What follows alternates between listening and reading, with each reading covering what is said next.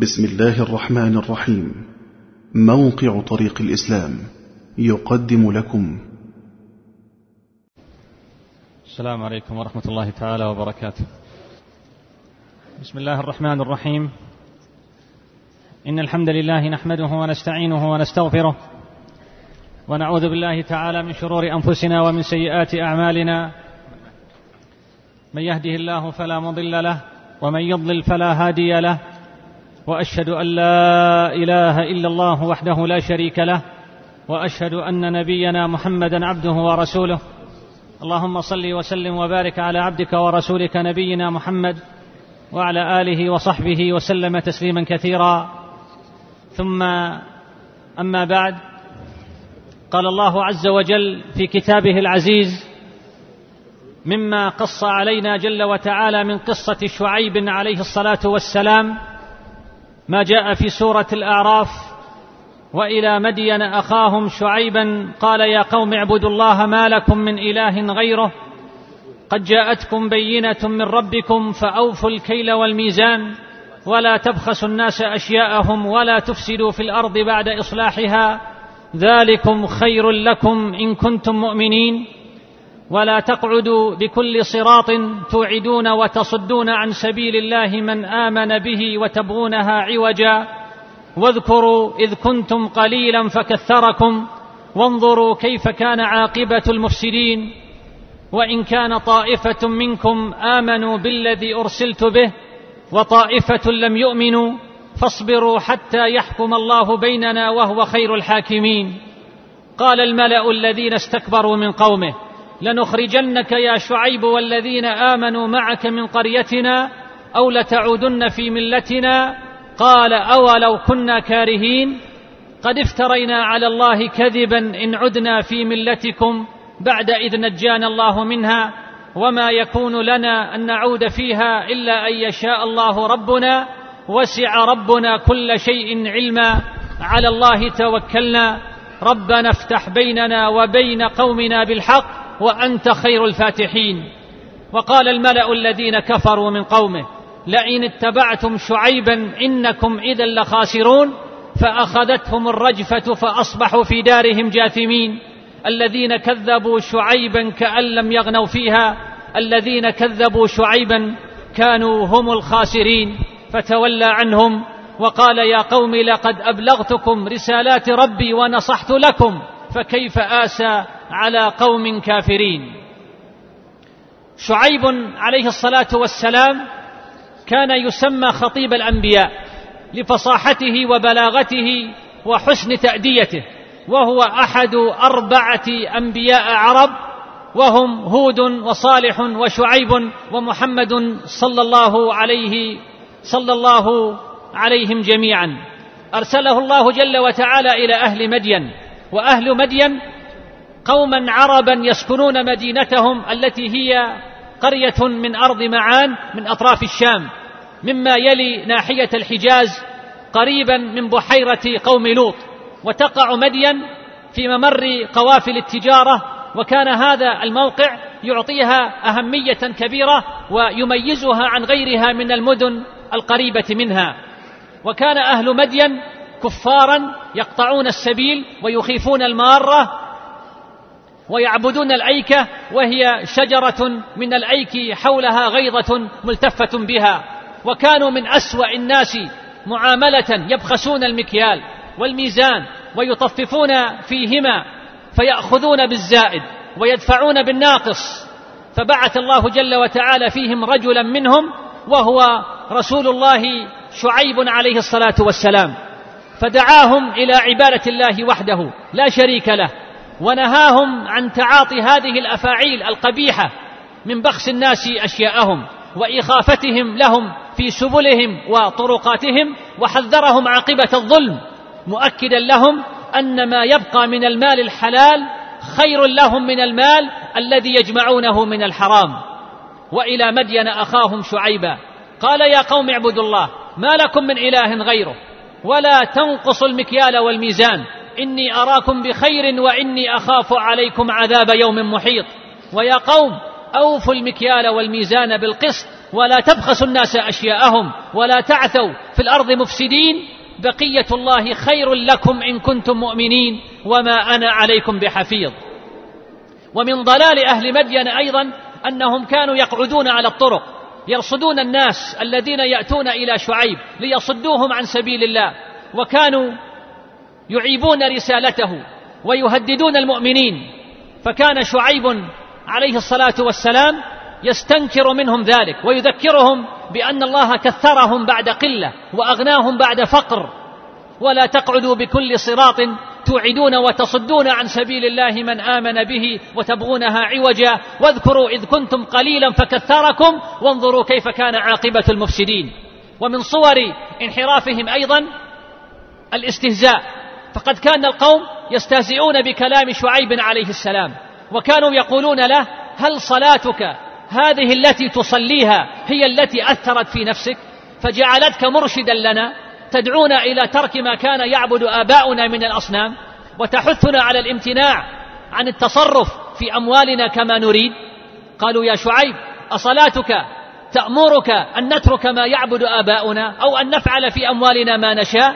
إنك لأنت الحليم الرشيد.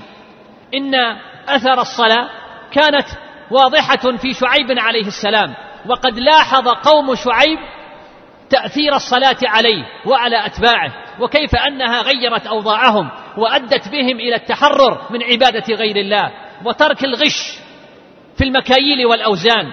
نعم لقد غيرت الصلاة نفسية أتباع شعيب لأن الصلاة معاشر الأحبة.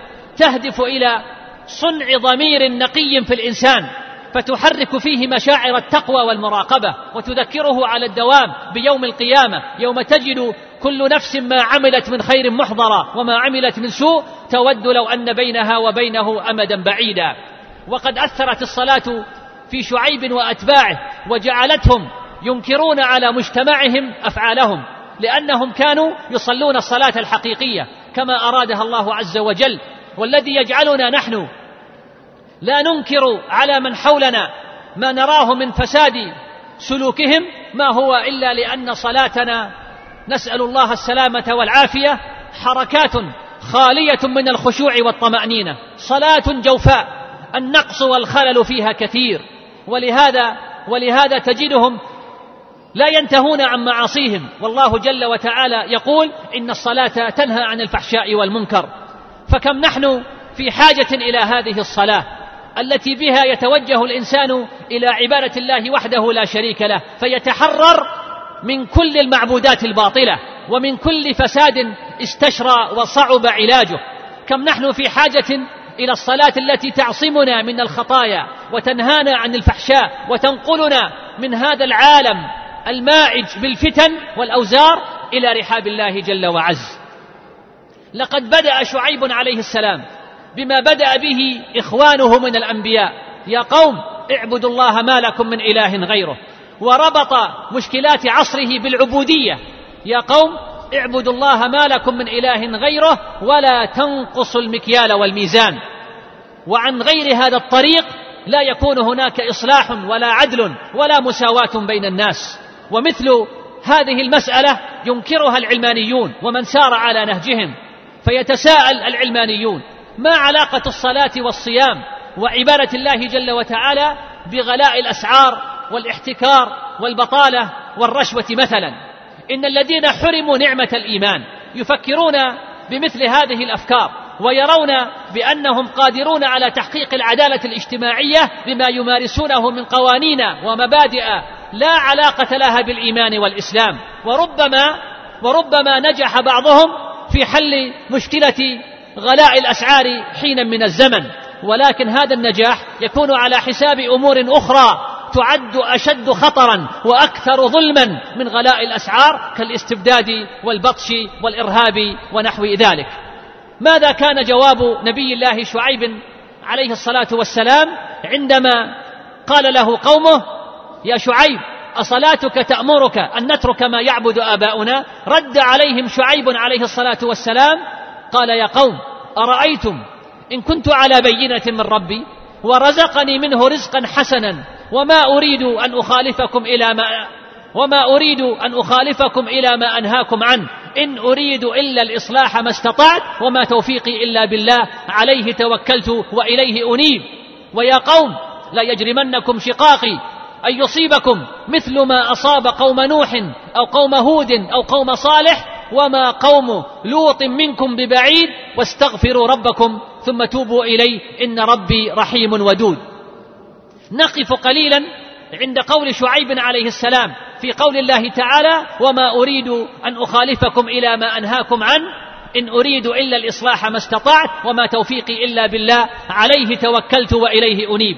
يؤكد شعيب عليه الصلاة والسلام لقومه أنه لا يفعل ما ينهاهم عنه. فها هنا درس عظيم للمصلحين ودرس عظيم للمربين ودرس عظيم للآباء ودرس عظيم للدعاة والوعاظ بأن يراعي كل منهم سلوكه أشد المراعاة. كل كلمة وتصرف يصدر منه فالسلوك يؤثر أكثر من الكلمات. فمهما صدر من المصلح من حكم ومواعظ. تستهوي العقول فلن يكون لها الأثر الفعال في نفوس مستمعيها إذا لم يكن قائلها هو أول العاملين بمضمونها وأول المؤتمرين بأوامرها ونواهيها. ولهذا نجد أن الله عز وجل ذم قوما أمروا الناس بالبر ولم يلزموا أنفسهم به فقال تعالى أتأمرون الناس بالبر وتنسون أنفسكم؟ وقال تعالى يا أيها الذين آمنوا لم تقولون ما لا تفعلون؟ كبر مقتا عند الله أن تقولوا ما لا تفعلون. فلننتبه لهذا الأمر. سواء كنت أبا في بيتك أو مصلحا وداعية في مجتمعك بألا يصدر منك أفعال تخالف أقوالك لأن الناس يتأثرون بالقدوة أكثر من غيرها خصوصا الآباء. فإذا كنت تريد أيها الأب من ولدك ألا يدخن مثلا فلا تكن من متعاطيه أمامه. وإن كنت تريد من ولدك ألا يكذب فتنبه أن يصدر منك ذلك ولو عن طريق المزاح. وإن كنت تريد من ولدك أن يكون محافظا على وقته مجدا في دروسه فلا يرى أباه من الذين يسمرون ويلهون إلى آخر الليل. لأنه من الطبيعي أن يتأثر الولد بوالده. ماذا لو كان هذا الأب من الذين لا يستحقون أن يقتدى بهم؟ فماذا نتمنى بعد ذلك من أولادنا؟ فهل لنا من عبرة واعظة من نبي الله شعيب عليه السلام في قول الله عز وجل وما أريد أن أخالفكم إلى ما أنهاكم عنه وأما الشطر الثاني من الآية إن أريد إلا الإصلاح ما استطعت ففيها درس آخر فيها درس آخر للدعاة والمصلحين في أن تكون رغبتهم في الإصلاح لوجه الله تعالى بعيدة عن أي غرض دنيوي أو منفعة ذاتية. وهكذا كانت أهداف الأنبياء في مراحل التاريخ. وهذا ما جعل الفوز حليفها.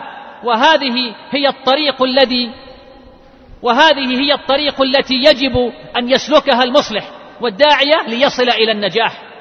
فالإصلاح المجرد من أي غاية وهوى النفس هو الذي يكتب له في النهاية النجاح والفوز. لأن ذلك هو رسالة الحق. والحق دائما هو المنتصر. وأما الغايات والأهواء الخاصة فكثيرا ما تفضح نفسها فتنكفئ ويكون الخسران مآلها. وكيف لا تنتصر الحقيقة؟ وهي التي مصدرها خالق الكون ومدبر الكون. وهذا ما أشرت إليه الآية في ختامها وما توفيقي إلا بالله. عليه توكلت وإليه أنيب. لنرجع إلى القصة. هدد أكابر القوم شعيبا عليه الصلاة والسلام بإخراجه ومن آمن معه من القرية أو أن يعودوا في ملة القوم فكان رد شعيب عليه السلام واضحا لا لبس فيه. قال الملأ الذين استكبروا من قومه لنخرجنك يا شعيب والذين آمنوا معك من قريتنا أو لتعودن في ملتنا. قال أولو كنا كارهين؟ قد افترينا على الله كذبا. إن عدنا في ملتكم بعد إذ نجانا الله منها. وما يكون لنا أن نعود فيها إلا أن يشاء الله ربنا. وسع ربنا كل شيء علما. على الله توكلنا. ربنا افتح بيننا وبين قومنا بالحق وأنت خير الفاتحين. وعاد قومه يهددونه بالرجم. وأنهم لم يمنعهم من ذلك حتى الآن إلا مجاملة عشيرته. وهو ليس ذا عزة ومنعة تحول بينهم وبين أن يقتلوه وإنما هي المجاملة وحدها. قالوا يا شعيب ما نفقه كثيرا مما تقول وإنا لنراك فينا ضعيفا ولولا رهطك لرجمناك وما أنت علينا بعزيز. قال يا قوم أرهطي أعز عليكم من الله واتخذتموهم وراءكم ظهريا إن ربي بما تعملون محيط. عند ذلك جاء الأمر الإلهي بهلاك أهل مدين جزاء عصيانهم. فنجى الله شعيبا والذين آمنوا معه رحمة منه سبحانه وتعالى وأهلك الذين كفروا فأخذتهم صاعقة شديدة صاحبتها زلزلة زلزلة قوية جعلتهم منكبين على وجوههم صرعى وانتهى أمرهم وزالت آثارهم حتى كأنهم لم يقيموا في ديارهم. ولما جاء أمرنا نجينا شعيبا والذين آمنوا معه برحمة منا وأخذت الذين ظلموا الصيحة فأصبحوا في دارهم جاثمين. كأن لم يغنوا فيها كأن لم يغنوا فيها ألا بعدا لمدين كما بعدت ثمود. وعوقبوا أيضا بالظلة وأهل مدين هم أنفسهم أصحاب الأيكة الذين ذكرهم الله جل وتعالى في كتابه كما حقق ذلك الحافظ ابن كثير رحمه الله تعالى فسلط الله عليهم أيضا إضافة إلى ما سبق من العذاب حرا شديدا ضاقت به أنفاسهم فخرجوا إلى البرية لعلهم يستروحون هواء بدل الذي هم فيه فأرسل الله عليهم سحابة اظلتهم وهو الذي سماه وهو الذي سماه الله في كتابه بيوم الظلة فاستبشروا خيرا من هذه السحابة عندما رأوها فاجتمعوا تحتها ليستظلوا بظلها فراحت ترميهم تلك السحابة بشهب وصواعق حتى أهلكتهم وكان يوما شديد العذاب شديد الهول. كذب أصحاب الأيكة المرسلين إذ قال لهم شعيب ألا تتقون؟ إني لكم رسول أمين فاتقوا الله وأطيعون وما أسألكم عليه من أجر إن أجري إلا على رب العالمين. أوفوا الكيل ولا تكونوا من المخسرين ولا تكونوا من المخسرين. وزنوا بالقسطاس المستقيم ولا تبخسوا الناس أشياءهم ولا تعثوا في الأرض مفسدين. واتقوا الذي خلقكم والجبلة الأولين. قالوا إنما أنت من المسحرين وما أنت إلا بشر مثلنا وإن نظنك لمن الكاذبين. فأسقط علينا كسفا من السماء إن كنت من الصادقين. قال ربي أعلم بما تعملون. فكذبوه فأخذهم عذاب يوم الظلة. إنه كان عذاب يوم عظيم. إن في ذلك لآية. وما كان أكثرهم مؤمنين. وإن ربك لهو العزيز الرحيم. رأى شعيب عليه السلام ما نزل بقومه من العذاب والهلاك فأعرض عنهم وقال لقد أبلغتكم رسالات ربي ونصحت لكم فكيف آسى على قوم كافرين؟ من التوجيهات المهمة التي تطالعنا بها قصة شعيب. الدعوة إلى الأمانة والاستقامة في البيع والشراء وترك الغش في المكاييل والأوزان والإفساد في الأرض لأن ذلك يؤدي إلى سخط الله جل وتعالى والتعرض إلى العقوبة الشديدة كما فعل الله بقوم شعيب الذين أهلكهم جزاء فسادهم. أما حذر شعيب قومه بقوله ولا تنقص المكيال والميزان اني أراكم بخير وإني أخاف عليكم عذاب يوم محيط. ويا قوم أوفوا المكيال والميزان بالقسط ولا تبخسوا الناس أشياءهم ولا تعثوا في الأرض مفسدين. إن أكثر الدول المتقدمة اليوم تحرص أشد الحرص على ضبط المكاييل والأوزان ومراقبة الأسواق وتعرض المتلاعب للعقوبة الشديدة. والإسلام كان له السبق دائما في إقرار الأنظمة الصالحة للمجتمعات البشرية.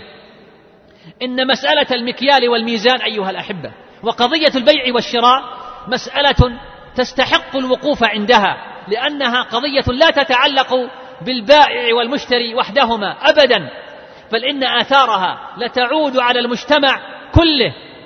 فإن أي مجتمع لا يوفى فيها المكيال والميزان ولا يلتزم كل من البائع والمشتري بأحكام الله جل وعز فإن المجتمع كله مهدد بالخطر وعقوبة الله جل وتعالى كما سمعتم ما حصل لقوم شعيب عندما لم يوفوا المكيال والميزان. واجه شعيب عليه الصلاة والسلام قومه بانحرافاتهم بانحرافاتهم كلها دون خوف أو ضعف. وانحرافات قومه كانت لها صور وأشكال متعددة من عبادة لله من الأصنام والأوثان والأهواء وغيرها من الآلهة. إلى سوء المعاملة في البيع والشراء وبخس الناس أشياءهم إضافة إلى الفساد في الأرض. بكل ما تعنيه كلمة فساد من ظلم وبغي وعدوان على الأنفس والأعراض والأموال. ناهيك عن الصد عن سبيل الله حيث كانوا يجلسون في الطرقات ويحذرون المارة من شعيب ويتوعدون المؤمنين ويتهددونهم. وشعيب عليه السلام كان حكيما عاقلا وكان يعرف العقلية التي يفكر بها الملأ من قومه. وكان يعلم أن ما يدعو إليه يعني سقوط النظام الفاسد. وكان يعلم بأن مواجهة الملأ بواحدة من هذه الانحرافات كاف لتأليب الرأي العام ضده. والسعي الجاد لنفيه من مدين أو قتله. ومع كل هذه الأخطار مع كل هذه الأخطار المتوقعة فلقد كانت دعوة شعيب عليه السلام منذ بدايتها قوية شاملة ليس فيها هوان ولا تردد ولا مجال فيها للمساومة وقبول أنصاف الحلول وأرباعها. ولم يقل شعيب عليه السلام فعلت فعلت وسعي وكفى. ولا بأس من مهادنة الملأ طالما تركوني ومن آمن بدعوتي نعبد الله ولا نشرك به شيئا فلهم دينهم ولي دين. أبدا. لم يقل كان من الأفضل مواجهتهم منذ بداية الدعوة بتطفيف الكيل والميزان فإن استجابوا واجهتهم بعد ذلك بمشكلة أخرى. وبمثل هذه المرحلية أحقق فوائد أكثر وتكون معارضتهم أخف أخف وطأة وأقل حدة ومواجهة شعيب عليه السلام لقومه بانحرافاتهم ليست رأيا شخصيا ارتآه عليه السلام أو اجتهادا اجتهده فهو عبد الله ورسوله وليس له من الأمر شيء. إن هذه المواجهة أرادها الله جل وتعالى ونبي الله ينفذ أوامر الله التي يأمره بتبليغها لعباده وهو منهج رباني خالد. لا يعتريه غموض ولا تكتنفه تناقضات. وبعد آلاف السنين وبعد آلاف السنين ما زلنا أيها الأحبة نقرأ فقرات هذا المنهج في كتاب الله تعالى الذي لا يأتيه الباطل من بين يديه ولا من خلفه. وسار الصحابة والتابعون وعلماء الإسلام المجددون على هذا المنهج فواجهوا أقوامهم بانحرافاتهم. فلقد حاول الصحابة وفي, وفي طليعتهم الفاروق عمر رضي الله عنه إقناع الصديق رضي الله عنه وعن جميع الصحابة بعدم قتال المرتدين. وكان معظم أهل وكان معظم أهل الجزيرة العربية قد ارتدوا فأبى الصديق رضي الله عنه وبين للصحابة أهمية الأدلة التي يعتمد عليها وأكد أنه لا بد من مواجهة المرتدين بما يستحقون. وكان الحق مع الصديق رضي الله عنه وأدرك الصحابة جميعا صحة أدلة الصديق فانعقد إجماعهم على وجوب قتال المرتدين ومن ومن جملتهم الذين امتنعوا عن دفع الزكاة. ثم بعدها بفترة واجه الخليفة العادل عمر بن عبد العزيز رحمه الله تعالى أهل الحل والعقد من بني أمية بأخطائهم وانحرافاتهم فعزل الولاة والقادة الظالمين ورد المظالم إلى أصحابها ومنع سياسة التبذير والترف. وكان يعلم رحمه الله أنه سوف يصطدم مع أبناء عمومته وأقرب أقربائه ومع ذلك اختار ما كان عليه الرسول عليه الصلاة والسلام والخلفاء الراشدون من بعده. وواجه أيضا إمام أهل السنة أحمد بن حنبل رحمه الله واجه المأمون بانحرافاته ورفض السكوت عن إنكار المنكر وآثر السجن والتعذيب والنفي والتهديد بالقتل ولم يقبل ما قبله غيره من علماء عصره من الرخص. وكان رحمه الله وهو مكبل بالقيود في السجن أقوى من المأمون وجيشه وقوات أمنه. لقد دحض رحمه الله تعالى أبا أباطيلهم وفند شبهاتهم. وأخيرا أخذ الله المأمون والمعتصم والواثق وقادة أهل الاعتزال ونصر الله بالإمام أحمد السنة وقمع البدعة والمبتدعين. وواجه أيضا صلاح الدين الأيوبي رحمه الله تعالى واجه الرافضة الباطنيين بانحرافاتهم.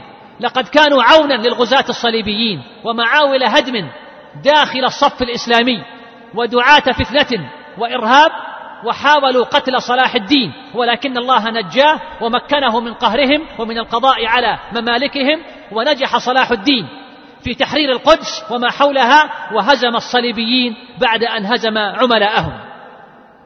أما شيخ الإسلام ابن تيمية رحمه الله تعالى فقد واجه مشكلات وانحرافات كثيرة في عصره التعصب المذهبي وتقديس الرجال وواجه غلاة الصوفية وواجه الرافضة وعموم الباطنيين كالدروز والنصيريين وواجه أهل الاعتزال والفلاسفة وواجه أيضا احتلال التتار لبلاد المسلمين فلم يهادر رحمه الله جهة من الجهات المنحرفة أبدا ولا تراجع عن حق يدعو إليه رغبة أو رهبة. وفضلا عن ذلك وفضلا عن ذلك كله لقد حقد عليه كثير من علماء عصره وكثر حساده الذين كانوا يتسابقون في التزلف للسلطان وكانوا لا يخجلون من الكذب عليه ورميه بما ليس فيه.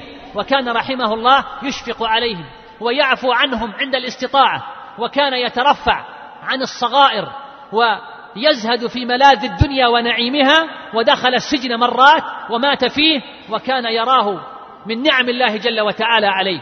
وحقق ابن تيمية انتصارات رائعة بسيفه مع التتار والباطنيين وبقلمه مع أعداء الإسلام ومع أصحاب البدع والأهواء وأعز الله به معتقد أهل السنة والجماعة.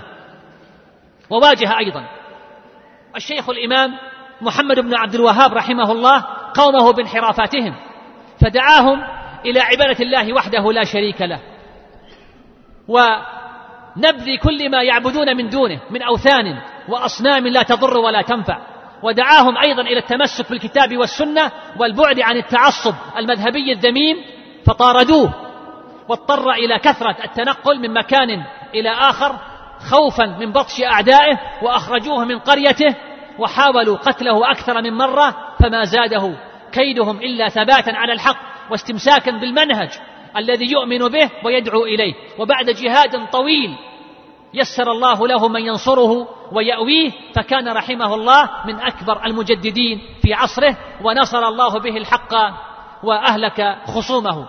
هذه معاشر الأحبة نماذج فقط من سير من اقتفى أثر أنبياء الله ورسله من المجددين والمصلحين. لقد كانوا جميعا يواجهون أقوامهم بانحرافاتهم وكانوا جميعا ينطلقون من منهج واضح وكانوا يقدمون لمجتمعاتهم البديل الصحيح بكل حزم وشجاعة ولسنا مخيرين ولسنا مخيرين في قبول هذا المنهج أو رفضه لأن الله جل وتعالى أنزله وأمرنا باتباعه ولا يشذ عنه إلا هالك.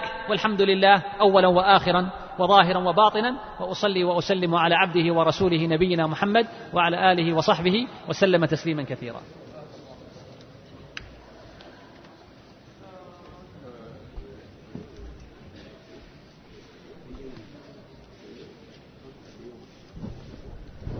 مع تحيات إخوانكم في موقع طريق الإسلام www.islamway.com والسلام عليكم ورحمة الله وبركاته.